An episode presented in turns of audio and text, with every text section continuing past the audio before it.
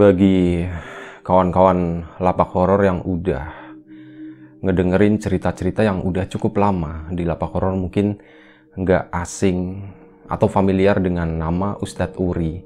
Ya, kali ini di cerita ke 240 di lapak horor ini ada satu cerita dari Ustadz Uri lagi. Belum lama, mungkin sekitar dua minggu yang lalu, ya sekitar dua minggu yang lalu, jadi uh, kan ceritanya uh, gue mau ini apa namanya mau ngejalan ini salah satu channel yang salah satu channel sayapnya lapak horor ya yaitu Riam Biru. Ceritanya di situ gue mau kolaborasi sama salah satu temen yang udah cukup lama gue kenal. Kebetulan dia itu kayak ya udah terbiasa gitu, punya pengalaman yang cukup banyak tentang hal-hal seperti itu dan dia itu adalah salah satu orang yang belajar sama Ustadz Uri tadi. Dan ceritanya waktu itu dia itu mau minta izin. Ya udah sekalian aja gue ikut ke sana kan. Di sana dapat satu cerita. Intinya diizinkan ya. Diizinkan dan Ustadz Uri itu ngebuka satu cerita lagi. Pernah suatu hari oh ya lupa ya Sebelum kita ke cerita, seperti biasa gue pengen ngucapin banyak-banyak terima kasih buat kawan-kawan subscriber semuanya. Terima kasih buat kawan-kawan yang udah ngasih support, udah ngasih dukungan. Terima kasih juga buat kawan-kawan yang udah ngasih like, udah nge-share ke yang lainnya. Nggak lupa juga, terima kasih banyak buat kawan-kawan yang udah ninggalin komentar. Ini hari ini gue ngetek cukup sore, belum ada jam 9 malam kalau misal ada suara-suara ribut riuh yang masuk dari luar ya harap dimaklumi ya. Balik lagi ke cerita tentang Ustadz Uri tadi. Singkat cerita malam itu tuh kita di sana kurang lebih sampai jam hampir jam 12 malam. Ya hampir tengah malam kita di sana dari sekitar jam 8 malam. Jadi suatu hari belum lama kejadiannya, baru sekitar 10 tahun yang lalu, ada salah satu tetangganya Ustadz Uri ceritanya ya dari muda dia itu udah merantau ke ibu kota ya. Di sana dia jualan nasi goreng. Tapi uh, banyak faktor yang intinya ya banyak faktor yang mengganggu dagangan dia gitu. Akhirnya dia pun di sana bangkrut dan memutuskan untuk pulang kampung. Nah, di kampung itu, di apa namanya, di rumah, di sebuah bangunan, tepatnya nggak jauh dari rumahnya Ustadz Uri, itu adalah rumah orang tuanya yang udah meninggal, namanya Pak Kahar, dan rumah itu tuh lama nggak ditempatin. Itu adalah rumah yang udah tua, tapi bukan rumah besar ya, rumah kecil yang kalau misal orang mau masuk ya, orang dewasa mau masuk itu udah hampir hampir apa ya? Kayak hampir sundul kayak gitu. Rumahnya tuh nggak terlalu tinggi. Seperti itu, dia memutuskan pulang kampung, tinggal di rumah itu bersama istrinya dan uh, anaknya. Anaknya masih kecil. Tinggallah mereka di situ, yang dulunya itu ditempatin sama orang tuanya, dan dia kecil juga, ya hidupnya di situ gitu. Singkat cerita, baru sekitar empat hari orang itu tinggal di situ atau ya sebut aja Mas Jono gitu ya. Ini nama udah gue samarin. Mas Jono tinggal di situ bersama istrinya kurang lebih sekitar empat hari.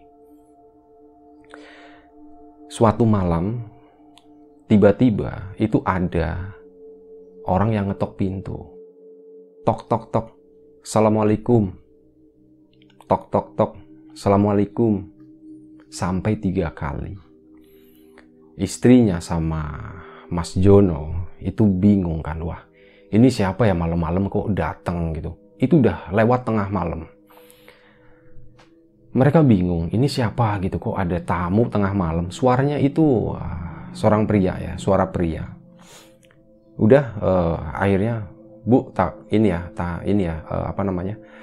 Uh, saya buka dulu ya pintunya katanya. Oh iya Mas, tapi hati-hati Mas gitu. Takutnya siapa gitu. Takutnya orang-orang nggak bener atau rampok atau gimana gitu kan. Ya Mas Jononya siapa yang mau dirampok dari kita gitu kan. Ini kan lagian rumah ini juga uh, lama nggak ditempatin gitu. Akhirnya Mas Jono pun keluar kamar menuju ke pintu depan. Didengerin lagi gitu kan. Itu masih ada suara sek sek sek sek sek sek sek gitu. Tapi nggak ada suara ketokan. Mas Jono tahu, oh orangnya itu masih ada di depan pintu situ.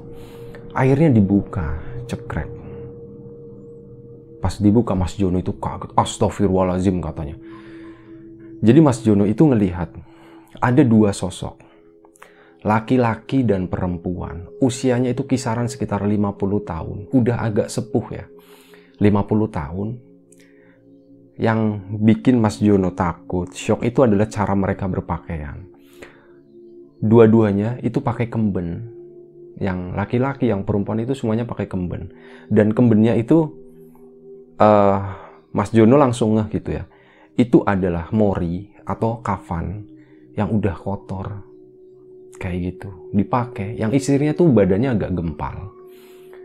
Pakai kemben. Suaminya pun sama. Uh, suami laki-laki ya. Kita nggak nyebut itu suami istri. nggak tahu gitu. Yang jelas laki-laki dan perempuan berdiri di sana. Melotot. Ngeliatin Mas Jono dan katanya matanya tuh merah. Merah bukan nyala enggak. Tapi kayak misal orang kena sakit mata kayak gitu. Matanya tuh merah dan agak begini ya.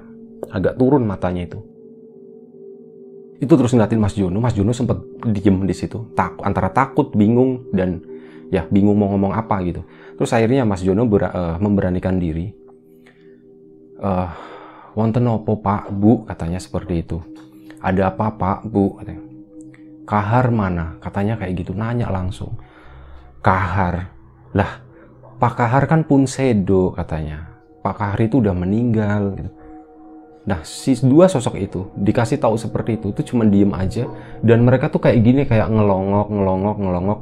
Ngeliatin yang ada di sekitaran di ruang tamu itu. Ngelongok kayak gini. Dan mereka tuh masuk gitu. Masuk tanpa permisi melewati Mas Jono. Mas Jono itu cuma bisa diem karena takut sih ya dan ada satu kesan yang katanya itu uh, masih diingat banget yaitu baunya. Bau dari dua sosok itu itu baunya itu antara amis dan pesing. Kayak mohon maaf ya kayak orang yang mungkin sebulan dua bulan nggak mandi gitu. Lebih mirip kayak baunya uh, kayak orang gila gitu ya. Mohon maaf nih ya. Itu baunya katanya seperti itu. Nggak enak banget baunya. Itu masuk ke sana Mas Juno cuman bingung diem doang berharap ya dua sosok itu tuh nggak masuk lebih ke dalam ya. Kalau misal lebih masuk ke ruang tengah, ke ranah istri sama ada anaknya di sana ya, mungkin Mas Jono akan bertindak. Tapi mereka cuma di ruang tamu, terus mereka keluar lagi. Cara keluarnya tuh bagus banget gitu. Cara keluarnya tuh mundur. Mundur keluar nggak bilang terima kasih, nggak bilang apa, udah pergi aja. Hilang ditelan kegelapan malam gitu. Jadi rumah itu itu di depannya tuh masih kebun masih kebun yang cukup luas, cukup lebat. Nah mereka tuh masuk ke sana. Terus Mas Jono buru-buru nutup gitu kan. Balik lagi ke kamar. Ada apa pak gitu? Ada apa mas? Tadi ada orang aneh. Ada dua orang pakai baju kemben, tapi kembennya itu pakai mori gitu. Kayak morinya pocong, katanya kayak gitu. Waduh mas jangan nakut-nakutin. Iya beneran deh, sumpah katanya seperti itu. Ya udah tidur, tidur, tidur. Akhirnya mereka pun tidur Nah, keesokan harinya si apa uh, orang tadi si Mas Jono itu datang ke rumahnya Ustadz Uri karena tahu Mas Jono itu sama Ustadz Uri ya mereka tahulah latar belakangnya itu seperti apa. Datang ke Ustadz Uri. Kang manggilnya Kang ya. Kang Uri saya tuh semalam ada ngalamin hal yang aneh. Aneh kenapa? katanya. Saya semalam didatengin sama dua sosok laki-laki dan perempuan. Yang serem intinya kayak gitu diceritain lah ya semuanya yang semalam di alam itu. Oh gitu ya. Uh, kamu yakin itu orang atau bukan? Kata Ustaz Uri ya kalau menurut saya sih tuh bukan orang Kang katanya. Itu tuh aneh lah kalau orang tuh nggak kayak gitu. Dan saya tuh masih kenal orang-orang di sini tuh siapa aja. Dan mereka tuh bukan orang sini gitu. Dan cara pakaiannya pun kayak gitu. Itu bukan orang kayaknya. Oh ya udah. Eh uh, sebentar kata Ustadz itu seperti sebentar ya. Ustadz cuma diem aja gitu ya. Cuman diem kayak ngelamun kayak gitu. Uh, terus nggak lama setelah itu bilang, John, uh, karena Jono lebih muda ya dipanggilnya John uh, nanti saya coba ke Pak Mustafa deh katanya Loh kenapa Kang katanya ada apa Kang ya ada sesuatu kayaknya nggak bisa kalau memang di in sendiri gitu karena jujur aja ada sesuatu yang lebih complicated ya ada sesuatu yang ya sesuatu yang complicated yang lebih pelik dari apa yang kita tahu apa yang kita bayangkan gitu dengan kedatangan dua sosok itu akhirnya Ustadz Uri pun sama uh, Mas Jono itu pergi ke rumahnya Pak Mustafa. Pak Mustafa itu kayak salah satu uh, sesepuh di desa itu. Usia beliau itu udah sekitar 70, hampir 80 tahun lah. Akhirnya sowan ke sana Ustadz Uri sama Mas Jono diceritain, Pak Mus, uh, mohon maaf mengganggu waktunya gitu. Tapi ada sesuatu yang sangat penting yang pernah dialami sama Mas Jono tadi malam dan saya tuh merasakan sesuatu. Ini ada hubungannya sama Pak Mus juga katanya seperti itu. Oh ada apa, ada apa, ada apa. Gitu. Pak Mus nanya kan. Akhirnya diceritain sama Ustadz Uri. Seperti ini, seperti ini, seperti ini. Oh ternyata seperti itu gitu. Seperti itu nggak dijelasin. Uh, Ustadz Uri juga uh, enten nggih Pak? Ada apa nggih Pak? ada apa ya Pak gitu ya. Terus uh, kata si Pak Mustafa, uh, ya masalahnya ini udah masalah lama sebenarnya antara bapaknya Jono sama ada seseorang lagi. Pak Samidi katanya.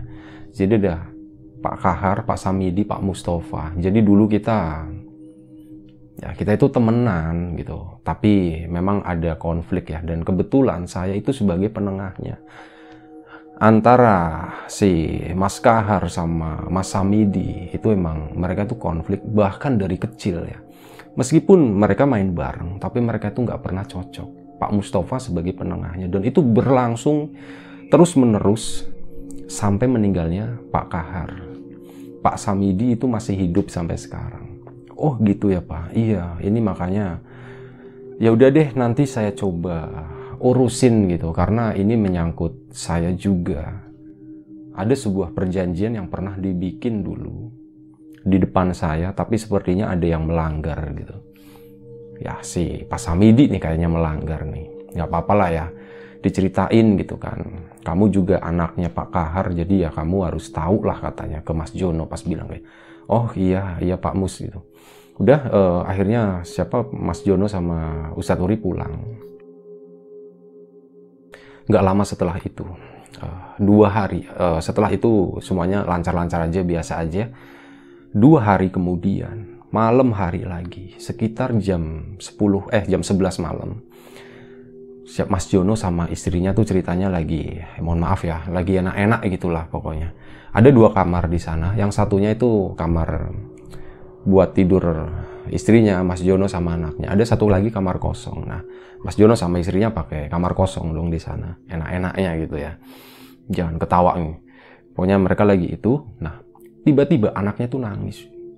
Wah, gitu. Anaknya masih kecil gitu ya. Baru usia berapa sih ya? Dua setengah tahun. Itu tiba-tiba nangis. Wah, gitu teriak-teriak. Wah, istrinya tahu. Aduh, sini bangun gitu ya. Mau minta netek gitu kan Akhirnya istrinya buru-buru bangun, itu enaknya belum selesai ya, masih di tengah-tengah istrinya bangun mau netein, mau netein anaknya, langsung menuju ke kamar itu dan Mas Jononya masih di kamar yang tadi ya, nungguin gitu. Pas istrinya baru nyampe di depan pintu, tiba-tiba istrinya tuh teriak, Ya Allah, ya Allah kayak gitu. Astagfirullahaladzim. Mas, mas, mas Jono. Katanya, mas Jononya tuh langsung bangun gitu kan. Bangun ya katanya waktu itu belum pakai baju gitu. Udah bangun. Apa apa apa?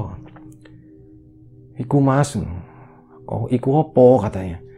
Itu tadi ada yang nenenin si ini si dede gitu ah yang bener katanya. Iya tadi ada yang nenenin. Yang nenenin tuh mbak-mbak agak gemuk pakai kemben doang dan kembennya tuh kotor banget katanya seperti itu. Mas Jono jadi inget kan. Wah ini yang semalam nih gitu. Istrinya juga langsung engeh kan. Mas ini jangan-jangan yang kemarin malam itu datang itu mas itu itu nggak bener nih mas. Wah serem nih kayak gini. Akhirnya udah dari semenjak kejadian itu ya enak-enaknya Mas Jono jadi keputus nggak dilanjutin malam itu ya udah mereka akhirnya tidur nungguin uh, anaknya yang ada di sana. Udah singkat cerita selesai malam itu. Keesokan harinya datang lagi ke rumahnya Ustadz Uri. Kang semalam datang lagi dan kali ini lebih parah Kang. Saya ngerasa bener-bener terganggu. Dia yang perempuan itu udah berani netein anak saya katanya wah itu udah netein atau belum ya? Ustadz nanya. Kata istrinya itu belum belum netein Kang.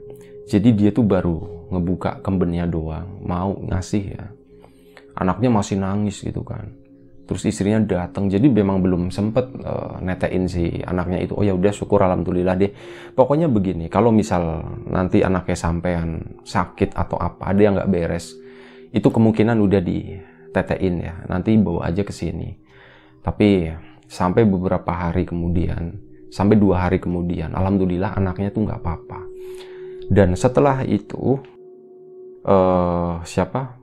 Pak Mustafa itu datang. Dat eh bukan datang sorry. Pak Mustafa itu nyuruh orang manggil Mas Jono sama Kang Uri buat datang ke musola yang ada di situ Kebetulan musolanya itu di depan rumahnya Ustadz Uri ya, ada musola kecil. Nah di situ mereka tuh ngobrol di situ. Karena apa ya? Mungkin ini masalah uh, kayak etika sih ya. Orang tua ngedatengin anak muda kan kayaknya nggak pantas, makanya dibuatlah satu tempat yaitu di musola tadi, tempat yang netral ya. Uh, meskipun musola itu uh, letaknya di depan rumahnya Ustadz Uri persis tapi si siapa Pak Mustafa itu lebih memilih di musola tadi. Mereka bertiga itu ngobrol. Jadi gini, nanti kita bertiga hari ini baca asar lah, pada asar nanti sore kita ke rumahnya Pak Samidi katanya. Akhirnya sore itu mereka pun janjian ketemu lagi. Uh, siapa uh, Mas Jono sama Ustadz Uri itu ke rumahnya Pak Mustafa dan lanjut ke rumahnya Pak Samidi. Assalamualaikum katanya. Waalaikumsalam. Wah Pak Samidi di situ kaget. Wah, enten opo niki mus katanya. Ent, eh, enten. Ada apa ini mus katanya. Ana apa iki mus kok dengaren dolan rene katanya. Ada apa mus kok tumben banget main ke sini katanya. Ya, ada sesuatu yang perlu yang ingin saya omongin dan saya juga ngebawa nih anaknya kahar gitu. Katanya kayak gitu. Oh ya ya silakan silakan silakan. Disuruh masuk semuanya. Duduk di situ mau minum apa katanya. Nah kata Pak Mus nggak usah katanya. Nggak usah dikasih apa-apa. Kita cuman ke sini mau ngobrol aja mau silaturahmi. Oh ya silakan silakan. Akhirnya udah ngomong tuh. Sam Samidi ya. Uh, udahlah yang udah lama yang udah berlalu itu jangan diulang-ulang terus katanya.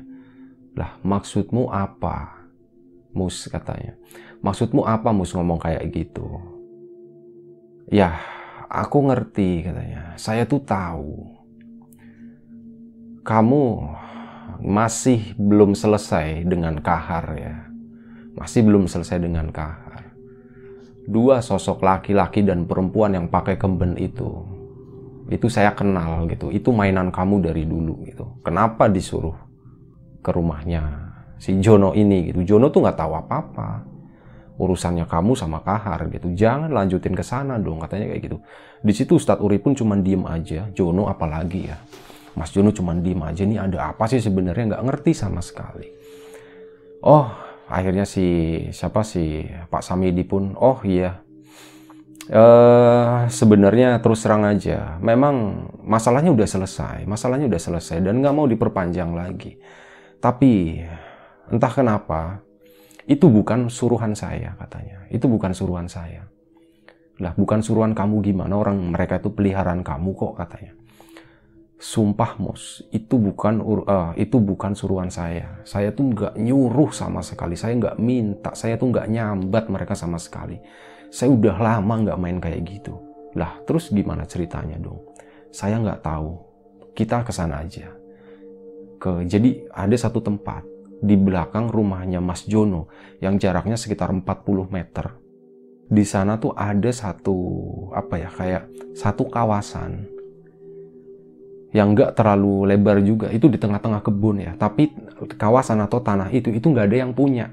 Nggak tahu siapa. Nah di sana itu ada makam. Makam tua yang pakai batu-batu gitu ada dua biji ada dua buah. Nggak ada yang tahu itu makam siapa cuman warga eh, warga sekitar warga warga setempat itu biasa nyebut tempat itu sebagai candi gitu. Tapi sebenarnya notabene uh, mirip candi juga sih. Itu cuman kayak makam tapi benar-benar makam tua ya. Udah kita ke sana aja kata si Pak Samidi ya. Oh oke okay, ayo. Kita ke sana semuanya. Kapan? Sekarang. Sekarang ya sekarang. Langsung. Itu udah sore ya udah menjelang maghrib. Tapi ya Pak Mus gini. Tapi ini jangan lewatin maghrib ya. Kalau maghrib ya nanti saya pulang dulu. Saya mau ngimamin uh, musola katanya kayak gitu. Nah Pak Mus itu imam salah satu imam musola di kampung itu. Akhirnya udah sore itu mereka berangkat menuju rumah belakang rumahnya Mas Jono. Jarak sekitar 40 meter yang nggak kelihatan kalau dari rumahnya Mas Jono itu nggak kelihatan langsung karena itu udah kebun semua ya. Itu masuk ke dalam sana. Masuk di depan makam. Deng. Di situ uh, siapa namanya? Pak Samidi, Pak Mus, sama Ustadz Uri itu mereka kan tiga-tiganya tahu hal seperti itu ya. Bisa merasakan, bisa melihat mungkin. Nah, Mas Jono kan nggak ngerti apa-apa. Akhirnya sama si Pak Mus, John, uh, kamu kalau di sini juga nggak ngerti apa-apa, kamu juga nggak ngelihat apa-apa, nggak bisa ngerasain apa-apa, mending kamu pulang aja, temenin istri kamu katanya. Bener aja. Jadi ternyata ada tujuannya ya. Uh, Mas Jono pun pulang, ya akhirnya pulang ke rumah, udah nemenin istrinya di sana. Ternyata pas Mas Jono pulang di rumah itu isinya lagi di kamar sama anaknya. Lagi tidur tiduran kayak gitulah. Intinya kayak ngejagain anaknya diajak main gitu ya soalnya mau maghrib kan. E, mereka tuh percaya kalau maghrib itu nggak boleh tidur jadi diusahain nanti tidurnya setelah maghrib. Nah, waktu itu lagi digoda-godain anaknya. Pas Mas Jono masuk Assalamualaikum gitu jegrek langsung buka pintu gitu kan. Kaget banget astagfirullahaladzim kamu lagi katanya. Mas Juno tuh udah agak sedikit berani ya karena udah ya emang ngerasa di belakangnya itu udah ada dekingan gitu. Ada Pak Mus sama ada Ustadz Uri ditambah lagi nanti si ini ya Pak Samidi ya. Dia udah mulai berani gitu kan. Mau ngapain di sini katanya.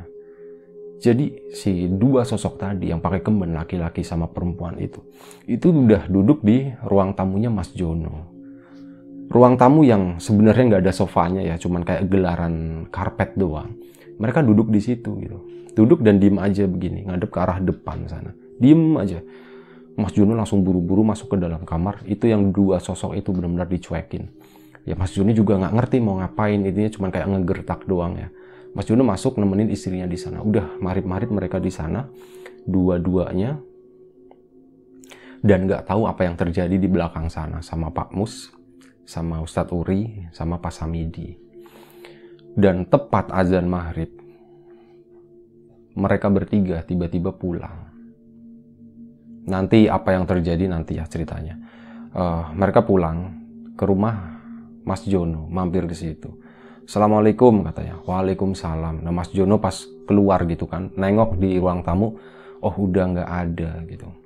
Nah jadi uh, siapa sih Pak Mus itu bilang, John uh, insya Allah nggak apa-apa, insya Allah selamat gitu.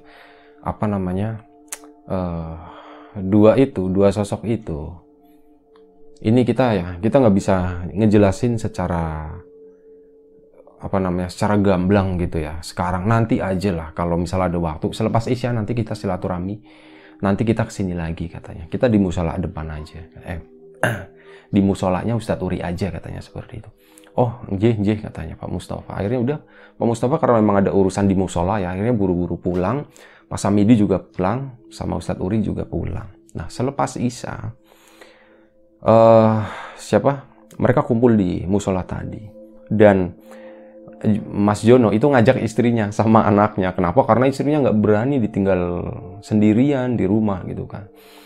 Ya udah akhirnya ngajak ke situ. Nah Pak Mus kan nggak tega ngeliat ada anak kecil. Waduh Jono, Jono. Ini kenapa diajak ke sini istrinya katanya? Katanya takut di rumah sendirian takut. Oh ya udah. Gini aja deh.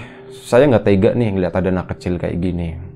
Kita di rumah kamu aja katanya. Nggak apa-apa katanya. Wah nggak apa-apa nih Pak Mus katanya, udah nggak apa-apa santai aja. Akhirnya mereka pindah dari musolanya Ustadz Uri, pindah ke rumahnya Mas Jono di situ.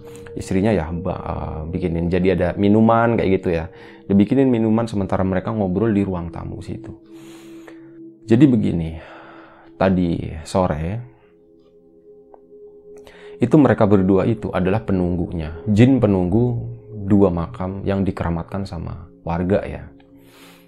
Di sana mereka itu penunggu di sana. Mereka tuh nggak baik mereka tuh jahat gitu. Dan ini adalah mainannya Samidi dulu. Mainannya Samidi buat ya ngerjain orang lah kayak gitu dan dulu antara Kahar sama Samidi itu ya seperti yang saya bilang tadi mereka tuh punya konflik konflik yang berkepanjangan sampai Kahar akhirnya meninggal kayak gitu. Nah mereka perang intinya seperti itu. Salah satu sambatannya yaitu tadi si ini sama si itu. Dan antara Kahar dan Samidi itu rebutan buat nguasain dua makhluk itu. Yang sebenarnya kata Pak Mus itu bukan apa-apa gitu. Pak Mus kebetulan di situ ceritanya kayak sebagai penengahnya ya. Akhirnya udah uh, singkat cerita, sorry gue nggak bisa ngejelasin secara detail gitu nggak. Paling mungkin sekitar 30% secara garis besarnya aja ya Kurang lebih seperti itu. Dulu tuh sempat ada konflik antara Pak Samidi dan Pak Kahar, di mana Pak Mus itu sebagai penengahnya. Akhirnya, malam itu selepas Isya, setelah anaknya, udah agak malam ya, setelah anak sama istrinya itu masuk kamar, nggak ada suara dan sepertinya mereka itu tidur. Mereka tuh pindah dari dalam rumah, pindah ke halaman, ke ada tanah kosong di situ pindah ke sana, diambil tikarnya, dipindahin ke situ. Di situ ngumpul semuanya. Pak Samidi, Pak Mus, Ustadz Uri sama Jono, sama Mas Jono. Ngumpul di situ kayak duduk melingkar. Jadi gini, kita mau manggil mereka ke sini dan udah setelah itu kita mau cuman mau ngomong, jangan ganggu ke sini lagi karena tadi sore ya kita tahu mereka tuh lagi jalan-jalan gitu. Jadi kita nggak sempet ini ya, nggak sempet ketemu atau apa gitu. Ya karena memang tadi sore itu si dua sosok itu kan lagi di rumahnya uh, Mas Jono kan waktu itu. Nah malam itu itu kayak dipanggil dan Mas Jono sendiri itu nggak ngelihat, nggak bisa ngelihat. Yang ngelihat itu cuma Ustadz Uri dan sisanya ya Pak Mus sama Pak Samidi. Itu katanya kayak boleh dibilang kayak dipanggil gitulah. Dipanggil dua jin itu dan nggak lama setelah itu Mas Jono itu katanya ya orang yang nggak bisa ngelihat dia itu cuman bisa ngerasain kok hawanya jadi nggak enak ya gitu. Jawanya hawanya jadi agak sedikit panas, gerah, dan nggak nyaman lah pokoknya seperti itu. Datang dari arah belakang rumahnya Mas Jono, dari arah samping uh, rumahnya. Di situ datang, se datangnya pun pelan-pelan, jalannya itu pelan banget gitu. Dengan itu ya kain mori yang apa istilahnya ngeleser ke tanah kayak gitu jalan ngedeket ke mereka akhirnya Pak Mus sama Pak Samidi itu datang uh, Sam wis ayo dirampung kayak gitu. Diputus akhirnya Pak Samidi pun kayak seolah-olah gitu ya. Gambarannya mungkin kayak ngomong udah ya uh, kita udah nggak ada hubungan gitu. Kita udah putus putus ya maksudnya bukan putus cinta ya maksudnya udah putus perjanjian kita itu udah putus udah selesai sampai malam ini gitu. Dan Pak Mus pun kayak ngebantuin iya udah putus udah nggak ada urusan tempat kalian di sana. Jangan pernah mengganggu orang-orang di sekitar sini lagi. Udah cukup berpuluh-puluh tahun kalian di sini. Kalau kalian nggak mau nggak bisa menghargai permintaan ini ya udah. Itu artinya kita bisa bertindak lebih jauh. Dan kalian nanti yang rugi katanya seperti itu. Kayak ada ancaman lah dari Pak Mus dan Pak Samidi. Pak Samidi sebenarnya setengah-setengah sih. Cuman Pak Mus yang terus negasin supaya mereka itu nggak datang. Dan waktu itu dibilang kayak gitu, tiba-tiba sosok itu wes kayak pergi. Sorry tadi videonya sempat keputus, biasa ada limitasi di kamera ya. Dan kita lanjut lagi setelah sosok tadi hilang ya. Tiba-tiba dari arah rumahnya Mas Jono itu kedengeran ada suara teriak-teriak istrinya tolong tolong Mas Jono Mas Jono gitu. Tolong tolong gitu. wah di situ langsung panik dong Mas Jono nya bangun Pak Mustofanya menyusul yang lain itu menyusul. Langsung Mas Jono nya masuk ke dalam rumah.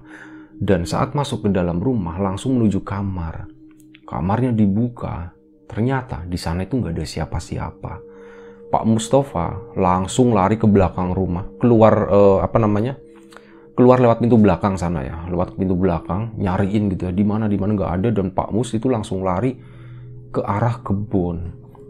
Ustadz Uri, Ri, nge, meneh, melu, melu katanya. Ustadz Uri nyusul di belakangnya kan.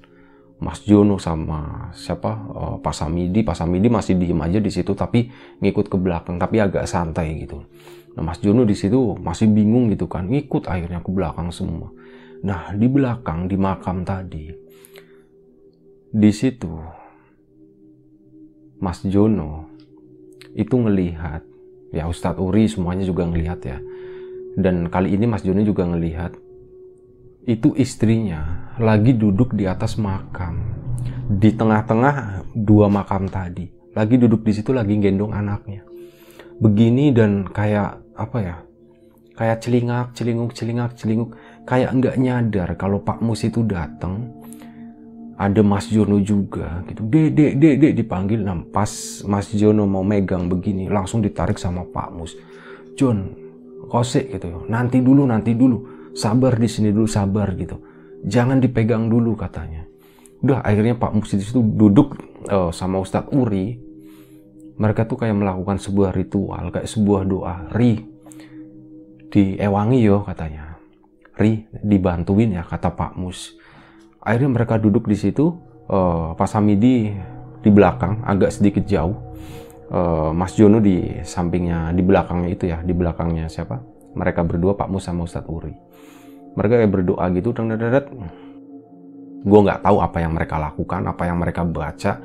Intinya seperti itu mereka melakukan ritual dan nggak lama setelah itu John tarik bujumu cepet Saiki. John itu tarik istri kamu cepet sekarang katanya Mas Juno langsung bangun, ditarik istrinya sama anaknya dipeluk gini. Udah di sini langsung diginiin ya, kayak apa ya? Kayak dipegang sama Pak Mus uh, dari atas sampai bawah kayak diginiin gitu ya. Intinya kayak diobatin lah seperti itu. Mungkin kawan-kawan juga familiar dengan metode pengobatan semacam itu ya. Nah, kayak diobatin seperti itu, Ustadz Uri masih fokus ke arah makam sana. Dan di sana, pas lagi pengobatan seperti itu, istrinya udah tenang waktu itu. Mas Jono sempat melihat ke arah makam sana. Dan Mas Jono kali ini tuh ngelihat dua sosok itu lagi. Dua sosok itu lagi berdiri di atas makam. Ya kayak e, masih dengan tatapan yang kosong, mata merahnya ya. Merah bukan menyala ya. Tapi itu entah kenapa kata Mas Jono, itu padahal gelap gitu. Tapi seolah-olah itu kelihatan gitu. Kayak gitu. Anehnya tuh di situ makanya Mas Jono kok ini gelap tapi bisa kelihatan ya? Kalau matanya itu merah kalau putihnya uh, apa namanya kafannya itu kan masih bisa kelihatan lah di gelap ya karena warnanya putih. Yang ini yang mata gitu katanya kok aneh gitu. Ya udahlah Mas Jono itu waktu itu nggak berpikir pusing dengan masalah itu. Yang jelas dia tuh melihat dua sosok itu di sana dan mereka cuman berdiri di sana aja. Ustadz Uri udah masih sibuk dengan ininya ritualnya. Pak Mustafa udah selesai. John istrimu bawa pulang masuk ke rumah sana. Akhirnya dibawa pulang. Setelah itu, si Pak Mustafa bangun dan langsung nyekek Pak Samidi. Kok iki durung rampung juga ya, durung kelar juga. Kamu tuh belum selesai juga ya katanya. Kenapa sih masih ngelakuin kayak gini gitu? Selesaiin sekarang juga, malam ini juga, di depan kita katanya ditarik begini ya. Pak Samidi tuh nggak berani sama Pak Mus. Udah digituin dijatuhin di situ didudukin di sampingnya Ustadz Uri. Selesaikan sekarang katanya. diselesaikan lah akhirnya metode penyelesaiannya gue juga kurang tahu itu cuma cuma e, diceritain sama Ustadz Tori itu cuman ya udah intinya di situ dipaksa sama Pak Mus kalau Pak Samidi itu harus memutuskan perjanjian itu gitu jadi kayak sebuah perjanjian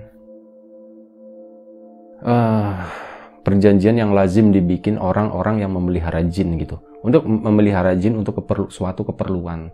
Untuk suatu maksud tertentu. Ya intinya perjanjian seperti itu. Detailnya gue juga nggak tahu gitu. Kurang lebih seperti itu. Nah setelah itu malam itu itu selesai. Dan udah dianggap selesai sama Pak Mus tapi selama beberapa bulan ke depan Pak Mus sama Ustadz Uri itu masih mengawasi Pak Samidi sekaligus mengawasi apa-apa sesuatu-sesuatu atau ya boleh dibilang kayak sosok-sosok jin yang tergolong kuat yang bisa diperintah-perintah seperti itu itu yang ada di kampung itu tuh kayak diawasin gitu. Takutnya ada sesuatu lagi. Karena Pak Samidi dari dulu itu mainannya seperti itu. Sebenarnya Pak Kahar juga sama bapaknya Mas Jono ya. Ya mereka tuh sering perangnya tuh seperti itu. Masalahnya tuh sebenarnya sepele. Cuman masalah dari kecil mereka berdua itu emang saingan. Dan itu berlanjut sampai gede sampai tua sampai akhirnya salah satunya meninggal Pak Kahar. Dan Pak Samidi bukannya selesai tapi mau ngehajar juga keturunannya yaitu Mas Jono. Ya kurang lebih seperti itu ceritanya. Singkat cerita sampai sekarang Alhamdulillah Mas Jono itu baik-baik aja. Kayak udah dikasih pagar kayak gitu juga. Dan Mas Jono itu sekarang belajar sama Ustadz Uri juga ya tujuannya untuk itu untuk kayak ih sebagai bentuk ikhtiar untuk uh, perlindungan diri kayak gitu ya dari sesuatu sesuatu yang nggak kelihatan seperti itu. Nah kurang lebih seperti itu ceritanya. Gue mohon maaf misal ada sesuatu yang nggak menyenangkan, ada sesuatu yang nggak mengenakan saat ngebawain cerita ini. Kita ambil aja yang positif dan kita buang jauh-jauh yang negatif. Sekali lagi terima kasih banyak. Uh, mohon maaf juga. Uh, jaga kesehatan kawan-kawan semuanya. Assalamualaikum warahmatullahi wabarakatuh.